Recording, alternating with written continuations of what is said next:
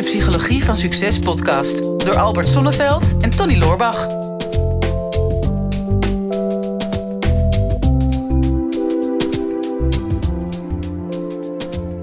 Deel 2 alweer, Albert, van de mini-cursus Leven zonder stress. Ja, Vorige klinkt wel ideaal hè? Je leven zonder stress, vind je niet? Ja, maar stress is, stress in, in de kern is stress positief. Dus Ja. volgens mij is dat niet de bedoeling. Want, want stress is ook een overlevingsmechanisme. Ja. En dat, dat is nu is dat, mm, eh, ja, merk je daar dan minder van. Hmm. Maar vroeger als jij eh, moest eh, rennen voor je leven... omdat je ineens oog in oog stond met een, eh, met een tijger... dan was het juist de stress die je lichaam activeerde om jou eruit te krijgen. Ja. Ja, of als je in een eh, ijsbad springt, dan eh, nu gaan wij daar allemaal vrijwillig in zitten, omdat we allemaal die Wim Hof training aan het doen zijn. Maar normaliter als jij eh, in het ijswater springt, dan heeft je lichaam een stressreactie om jou in veiligheid te brengen, hè, om Ja. je daaruit te halen. De- dus, Dus- de titel zou eigenlijk moeten zijn: Leven zonder negatieve stress. Ja, zonder chronische stress, leven zonder burn-out. Eigenlijk is het helemaal niet zo'n goede titel. Nee, maar ja, goed, we hebben hem nu eenmaal. En we hebben daar zelfs een hele mooie handout bij Mhm. gecreëerd. Dus ehm, ja, die gaan we niet meer veranderen. Dikke pech. Nee, die Dus, kan je. dus ik hoop dat iedereen een beetje snapt als we het hebben over stress, dat we het hebben over negatieve stress. Ja, want voor wie het eh, gemist heeft, ik kan me niet voorstellen dat iemand het gemist heeft. Want wij hebben hele trouwe luisteraars en kijkers die kijken echt elke aflevering. Vorige keer hebben we het gehad over ehm, eigenlijk een beetje hoe je het kan constateren. Hè? Dus, dus heb je, eh, ben je te druk of eh, heb je stress of heb je chronische stress of heb je Overspannenheid. eh, overspannenheid of een burn-out of zelfs een, zelfs een depressie. Hè, Dat lijkt me redelijk essentieel, want ja, de eerste stap naar een succesvolle gedragsverandering is toch bewustwording. Hè? Dus, Ja. dus weten wat je hebt en weten hoeveel stress er in je lichaam zit. Maar het is nou wel goed om ook met wat praktische oplossingen te komen. Van ja, hoe kan je het voorkomen of hoe kan je het verminderen? Ja. Nou ja, wat, wat je al zegt, het begint met bewust worden. En de tweede stap is, is eigen verantwoordelijkheid nemen. Ehm, d- het lastige is bij stress hebben we toch heel snel de neiging om iedereen de schuld te geven. Hè, want eh, de maatschappij heeft het gedaan, of de baas, of de schoonmoeder, of de buren. Of, ehm, nou ja, je, je, je kunt er van alles en nog wat bij bedenken. Maar situaties zijn meestal niet te veranderen. Eh, en, en nou ja, tenzij je misschien wil verhuizen. En dan heb je de illusie dat het dan allemaal is opgelost. Je ziet wel eens die programma's Ik Vertrek. En dan zie je dan vervolgens weer terug hoeveel ellende mensen dan op hun nek halen op het moment dat ze weggaan. Ja, Dus ehm wen nou maar aan het idee dat je op een planeet woont waarin je voortdurend wordt uitgedaagd om, om, om je te, eh, optimaal te kunnen verhouden tussen spanning en ontspanning. En, en dat is ook een normaal gegeven. Alleen hou nou eens op met iedereen daar de schuld van te geven. Eh, jij bent degene die de keuzes maakt. Zoals je nu zit te kijken of te luisteren of staat of fietst of weet ik wat je aan het doen bent op dit moment. Jij bent het gevolg van alle keuzes die je tot nu toe hebt gemaakt in je leven. Gefeliciteerd. ja. dat is een mooi, een mooi resultaat geworden. En nu ben je heel gestrest. En, en, nu, en, en als daar net iets te veel stress in zit dan, dan dat goed voor jou is, ja, dan komt inderdaad de volgende vraag van hoe kan ik dat nou voorkomen? Nou, is, weet je, dat is wel een interessante. Dat was ook, eh, dit was voor mij eigenlijk de conclusie die ik trok toen, toen ik uiteindelijk in een burn-out kwam. Ehm, dat ik me heel bewust was. Kijk, heel veel mensen die een burn-out hebben gehad, inclusief ik, zeggen dat dat het beste is wat ze ooit is overkomen. A blessing in disguise. Ja, en het klinkt altijd een beetje populair. Hè? Van, ik ben zo blij dat ik een burn-out heb gehad. Ja. Dat is het niet per se. Ik wens het ook echt niemand toe. Hmm. Ehm, maar ehm, de conclusie die ik trok was... eh, ik heb mijn leven op een bepaalde manier geleefd. Ik heb keuzes gemaakt over hoe ik met mijn slaap omga... hoe ik met mijn voeding omga... eh, hoe ik mijn lichaam behandel qua sport... ehm, wat voor werkdruk ik toelaat in mijn systeem. Hè? Dus wat, wat voor werk zoek ik op, maar ook... Welke verantwoordelijkheid neem ik op me? Welke stress laat ik ook echt in mijn systeem? Wat durf ik los te laten? Wat hou ik vast? Nou, zo zijn er een heleboel dingen. Ehm, allemaal keuzes die je in je leven hebt gemaakt. Laten we het ingrediënten noemen.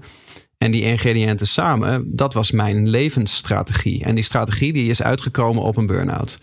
En ik wist van als ik nu eh, na die burn-out weer dezelfde strategie ga kiezen om te leven, dan weet ik vrij zeker dat ik hetzelfde eindresultaat heb.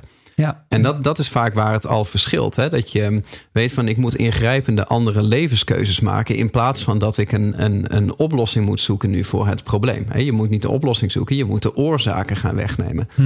Ehm, en ik merkte dat dat voor mij eigenlijk al de belangrijkste, de belangrijkste stap was. Ja. Nou, waar begin je dan? Eh, dus het meest simpele is wat je kunt doen, is pak een vel papier. Mhm. Zet verticaal een streep erop. En, ehm, en vervolgens, je mag er trouwens ook, je mag er ook een witte schutting voor pakken. En dan een spuitbus. Maakt Ja, me niet maar uit. niet die van de buurman. White- Whiteboard is ook goed. Maar je hebt een blanco vel papier voor je. En maak eens twee lijsten. Lijst nummer 1, waar krijg ik energie van? En lijst nummer 2, wat kost me energie? En want uiteindelijk, als je het wil voorkomen, zul je helderheid moeten krijgen over wat, wat is het dan waar ik op leegloop? Welke verkeerde keuzes heb ik nu gemaakt in mijn leven? Mhm. En vervolgens ehm, ja, zul je er ook naar moeten handelen. Ja. En dat is niet, niet alleen maar op een mentaal gebied zo, dat geldt op alle gebieden. Eh, In mijn boek De Levenscode heb ik uiteindelijk zes belangrijke pijlers genoemd waarop je energie kunt kwijtraken en waarop je eh, energie kunt krijgen. Mhm. En die eerste pijler die gaat over voeding. Iedereen weet ook wel diep van binnen waar hij energie van krijgt als het gaat over voeding en wat niet. Je kunt zeggen, oké, nou, eh, van suiker krijg ik energie. En daar, dat is de reden waarschijnlijk dat de gemiddelde Nederlander 40 kilo suiker eet per persoon per jaar. Dat is een kruiwagen vol. Eet dacht dat smakelijk. je per dag. Sommigen misschien wel. Ja. Maar ehm, ja, dat is waar. Je krijgt er 20 minuten energie van. En vervolgens kost het voor je lichaam 2,5 uur om die negatieve effecten van die suiker weer af te breken. En zeker als je gestrest raakt, kan je misschien steeds meer koffie drinken, of steeds meer alcohol drinken, of steeds meer snoepen, of steeds meer dingen doen om de stressprikkel een beetje te onderdrukken. Maar als je al begint met volwaardig voedsel, wat voor jouw lichaam goed te verteren is, eh, en waar je, waar je lichaam energie van krijgt in plaats van wat het energie kost om het te verteren, Mhm. dan, dan maak je al een hele goede stap. Dat, en dat zijn, zit hem vaak in hele kleine dingen. En kijk gewoon op internet. We, we gaan niet een bepaald dieet voorschrijven. eh, want dat is gewoon heel persoonlijk wat bij je past. Ook persoonlijk als het gaat over eh, de bewegingsvormen die je kiest. Wat voor sport doe je? Heb je eh, ja, zit je veel achter de computer of eh, ga je op je fiets naar je werk? Nou, dat zijn allemaal leeftijd, geslacht. Al die dingen zijn van invloed. Nou, je, je kan best wel ver gaan. Hè? Want wat jij zegt, die oefening, ehm, wat geeft mij energie, wat kost mij energie, die kan je op heel veel verschillende manieren doen. Hè? Als je gewoon globaal over je leven gaat kijken, dan, dan zul je zien dat, dat die lijstjes, dat, dat je in containertermen gaat schrijven. En dat je daar m- misschien minder wijzer van wordt. Ja. Ehm, wij hebben hem de laatste keer gedaan in een, in een mastermind met een groepje ondernemers. Toen was het een beetje zakelijk. Ehm, toen hebben we de combinatie gedaan. Eerst, ehm, wat, eh, wat heeft mij het meeste resultaat opgeleverd de afgelopen drie maanden? Ja. En wat heeft mij het meeste gekost? En dat was dan financieel. En dat keken we echt drie maanden terug. En dan mocht dat van alles zijn. Hè? Dat konden, dat konden echt eh, producten zijn, marketingacties die je hebt gedaan. Maar ook voeding, ook stress, ook privéleven. Eigenlijk als je maar lang genoeg de tijd neemt. En je blijft maar schrijven van wat heeft mij iets opgeleverd de afgelopen drie maanden. Dan merk je dat je steeds weer op andere lagen komt. En toen hebben we vervolgens hebben de tweede opdracht gedaan. Degene die jij nu zegt van wat heeft mij de afgelopen drie maanden energie gegeven. En wat heeft mij de afgelopen drie maanden energie gekost. En wat je het heel erg inperkt op, op een aantal maanden. ehm, kon je eigenlijk makkelijker dingen opschrijven. En het interessante wat er bij ons toen uitkwam. Is dat er waren een aantal dingen. Meestal is het zo dat de dingen die jou heel veel hebben opgeleverd dat die je ook energie hebben opgeleverd. Hè? Zakelijk succes heeft je ook energie opgeleverd. Maar dan zat de grap erin dat er waren ook een aantal dingen die hadden zakelijk heel veel opgeleverd, maar die hadden heel veel energie gekost. Hmm. En, en daarvan dacht ik toen van dat is eigenlijk het gevaarlijke gebied. Hè? Want ik doe heel veel dingen die ik dus blijf doen omdat ze succesvol zijn. Ja. Maar nu ik heel eerlijk ben, als ik moet kiezen, heeft het energie gekost of opgeleverd, moet ik toch zeggen dat het energie heeft gekost. Ja. En dacht, hier zit waarschijnlijk het probleem dat deze dingen, als je echt wil leven zonder stress, zoals jij het zo mooi schrijft, Hmm. dan zou je dus geen dingen moeten doen die jouw energie kosten. Nee, nee. En er is altijd een beetje een grijs gebied. Hè, want nou, mensen met kinderen weten dat. Aan de ene kant krijg je heel veel energie van kinderen. En man, wat kosten ze natuurlijk ook veel. Ja, energie. precies. Sommige staan ook in beide lijstjes. Staan in beide lijstjes. En dat kan ook. En ja, het is geen wet van mede en persen. Of wat ze op de kraamafdeling zeggen van meten en persen. maar maar ehm, ja, het, je- je, je kunt wel een, een, een globale indeling voor jezelf maken. Want daar begint het wel mee. Als je het, als je het wil voorkomen, zul je jezelf echt recht in de spiegel moeten aankijken. En voor mij helpt het altijd, zo'n schrijfoefening, om dat te gaan doen. Of spreek af met een paar hele goede trouwe vrienden of een trouw familielid. Zeg van, goh, wat, wat heb, waarin heb je me nou zien veranderen de afgelopen tijd? Want ik merk dat ik meer spanningsklachten heb. Ehm, wat zie je nou aan mijn gedrag, wat deze maand, de afgelopen maanden echt structureel anders is dan daarvoor? En dan zeggen ze, nou ja, je was altijd nog tot laat aan het werk. Of uh, ja, je was toch wat korter af tegen je kinderen. Of nou, weet ik wat voor uh, gedrag dat je vertoonde. En dat helpt al. Dat je of zelf een schrijfoefening doet, of dat je daar zelf niet op kunt komen. Vraag dan hulp uh, daarbij. Mm Nou, um, als je dan zo'n inventarisatie maakt, dan, ja, dan kom je er al op. Dan zul je keuzes moeten maken. Mhm. Het, uh, je kunt wel zeggen, nou, dat is mooi, dat weet ik dan. En dan. Mhm. Maar stress heb je niet voor niks. Het, het helpt je om vooruit te komen, maar ergens ben je over een grens gegaan. En in die grens ben je gaan overdrijven. Dus soms denk je ook, nou bijvoorbeeld, nou hey, uh, Albert en Tony, maar ik heb juist iets heel goed gedaan. Ik ben meer gaan sporten. Mhm. Maar misschien ben je ook daar weer gaan overdrijven. En dacht je van, uh, nou weet je wat, ik ga eens trainen voor een marathon. Of laat ik er dus een triathlon van maken. Mhm. Of uh, nou, ik heb een nieuwe racefiets gekocht. Maar ik ga maar meteen naar de Limburgse heuvelen. En eens even mezelf flink afragen. Ja, dan wordt het medicijn wat erger dan de kwaal. Dat bedoel ik. Ook daarin kun je dus voor jezelf gaan onderzoeken. Ja, maar hoe realistisch ben ik daar nou in? Vind ik het eigenlijk wel echt leuk op die sportschool? Ik heb daar wel een abonnement. Maar ik sta met vlekken in mijn nek op die cross trainer. Terwijl ik er eigenlijk een bloedhekel aan heb. Stop er dan mee. en, en, ga dan, en denk dan niet op zijn Nederlands. Ja, maar ik heb er wel voor betaald. Uh, ja, wat is nou meer waard? Als je het misschien leuker vindt om te dansen, ga dan op dansles. Of Mhm. um, desnoods zet muziek op je oren en beweeg je gewoon vrij in, in je eigen woonhuis.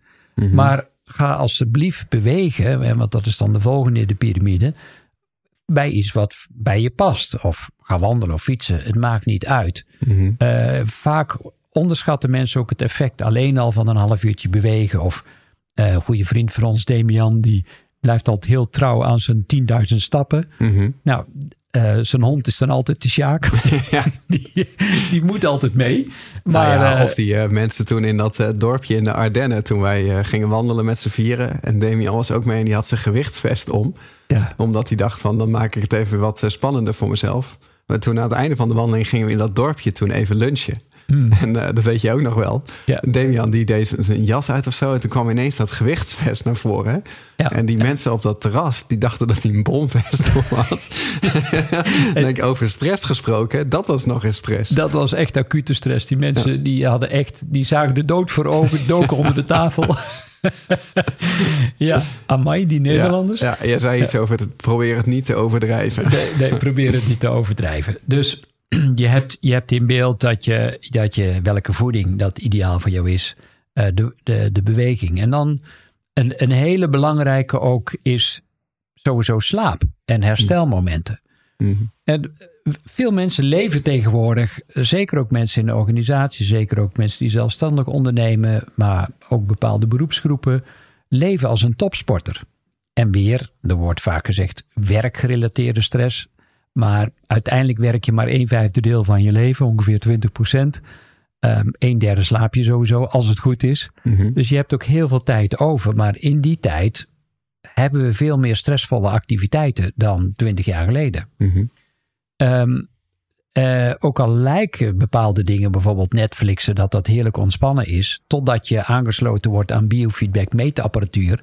En dan blijkt dat je hartslag omhoog gaat, dat je huidgeleiding verandert, dat, dat je ademhaling omhoog gaat. Als je je identificeert met degene die wordt achtervolgd in die film bij Narcos of weet ik wat. Mm-hmm. Ja, ja. En dan, uh, ja, dan is het afleiding, maar het is geen ontspanning. Mm. Dus wat heb je nodig om te kunnen, echt te kunnen ontspannen? Ja, die komt tussendoor wel even binnen trouwens. Dat is een, een, een spannende vraag hè, om aan jezelf te stellen.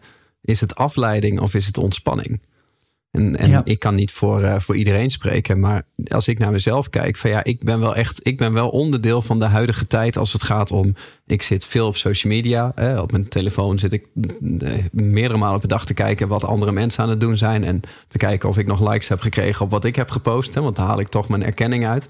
Mhm. En uh, daar wordt mijn identiteit gevormd, zeg maar. Ja. En ja, ik heb een, een online, online business. Nou, ik zit heel erg in die kant. En um, denk van het is heel verleidelijk om eigenlijk in een constante staat van afleiding te leven. Hè? Dus, dus om jezelf af te leiden met social media, met, met Netflixen, met, uh, met je werk. Um, en om eigenlijk maar jezelf uh, kunstmatig op de oppervlakte te houden. Hè? Je, om je gedachten een beetje half uit te zetten, half afgeleid te zijn. Um, want zodra die, je niet afgeleid wordt en je hebt volledige capaciteit over je gedachten, dan kun je dieper denken. Hè? Want de intensiteit van je concentratie die is direct verbonden aan de diepte van je denken. Ja. Maar op het moment dat je heel diep kan denken, dan word je ook geconfronteerd met bepaalde aspecten in je leven waar je misschien nog niet over na wil denken. Of de moeilijke beslissingen die je zou moeten nemen in je, in je leven. Ja. En dan is het eigenlijk veiliger om maar niet op die diepte van denken te komen en om jezelf in een constante staat van afleiding te houden. Ja. Maar dat heeft met ontspanning dus niks te maken. Nee, nee, ik ga morgen ga ik een vierdaagse stilte retreat uh, organiseren. En um, een internationale. En dan zit ik in, uh, in Limburg. En ja, de, de, eerste anderhalve dag is stilte. En dan beginnen we s'morgens om, om half zeven al door een uur op een kussentje te gaan zitten in stilte. Mm.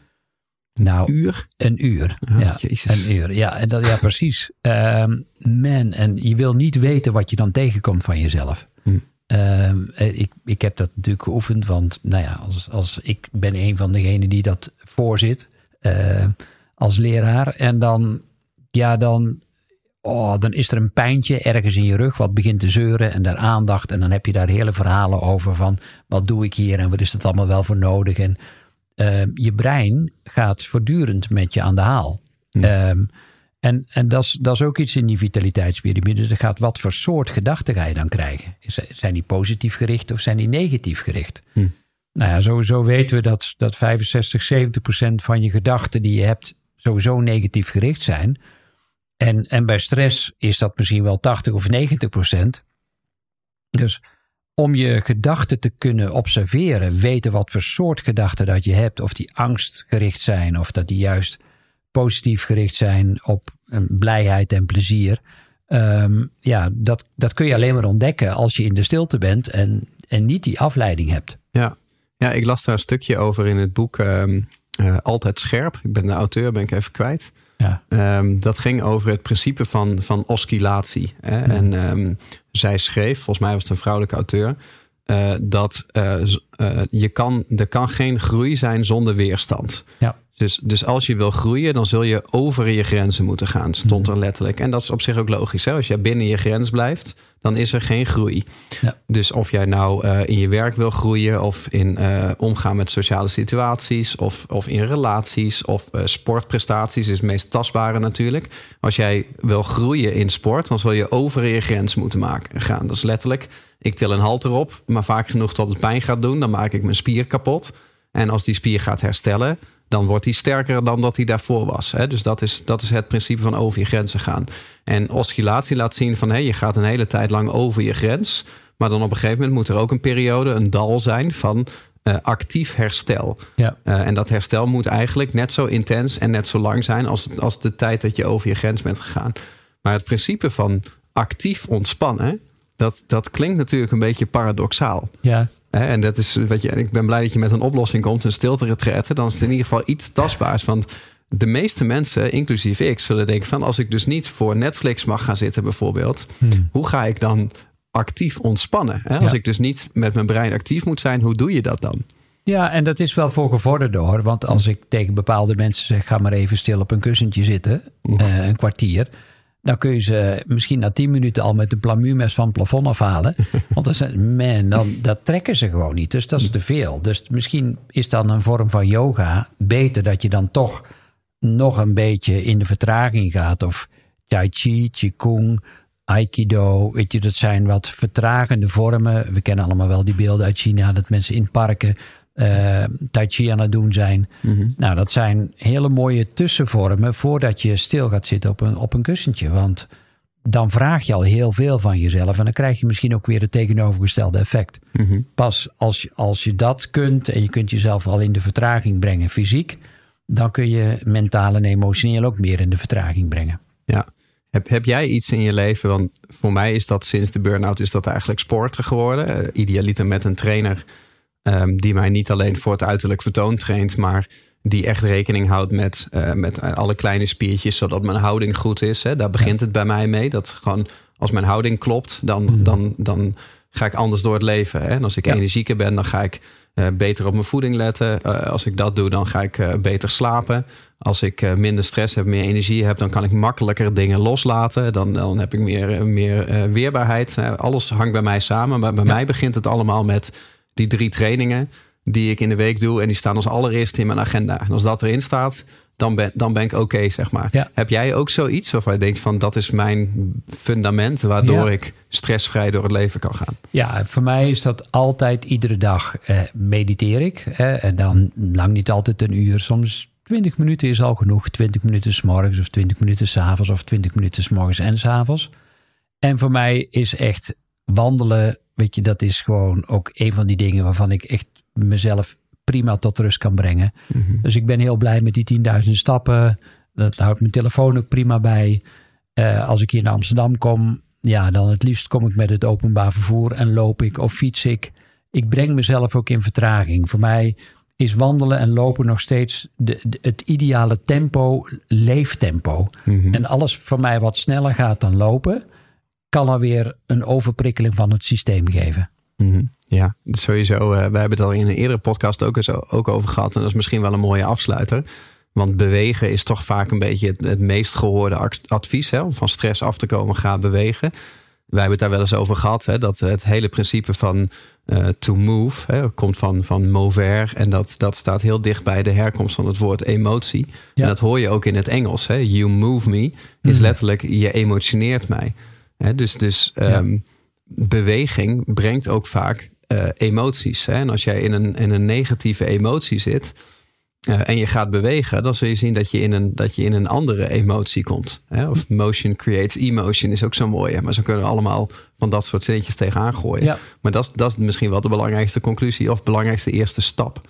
Zeker weten, als je dat wilt doen, weet je, en dat is redelijk makkelijk in je leven in te passen. Als dit niet meer in te passen is in je leven, dan is alles verloren. Dat is een lekker. Ik wou hem lekker positief afsluiten. nee, maar dit kan je. Weet je, er is geen reden om het niet te doen. Er, er zijn geen smoesen om niet te gaan bewegen. Dat kun je altijd doen. Loop wat vaker de trap op. Stap een halte eerder uit. Uh, laat die auto staan en pak wat vaker de fiets.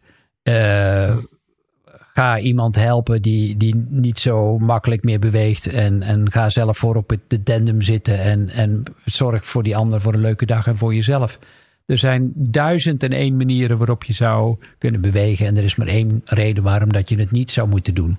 En dat is gewoon dat je gewoon te bang bent om te leven. Ja, nou, dat lijkt mij, uh, lijkt me wel een hele positieve afsluiter. Een soort van beter gaat niet worden. We gaan lekker door straks naar de volgende aflevering. Deze sluiten we nu af. Uh, voor de kijkers, uh, tweede deel, leven zonder stress van de minicursus. Um, die hoort hierbij, die kan je downloaden. Ik zet in de omschrijving van de YouTube-video... zet ik even het linkje naar de pagina... waar je die hele minicursus van vier delen kan, kan aanvragen. Als je zit te luisteren, dan ga even naar de YouTube-variant van deze podcast... of naar de website Psychologie van Succes voor, voor het pdf... Voor nu, uh, dankjewel voor het kijken. En laat nog even weten wat je ervan vond. Uh, vergeet niet op de duimpjes te drukken. En vergeet ook zeker niet even te abonneren op ons YouTube-kanaal. Dit is de Psychologie van Succes podcast door Albert Sonneveld en Tony Loorbach.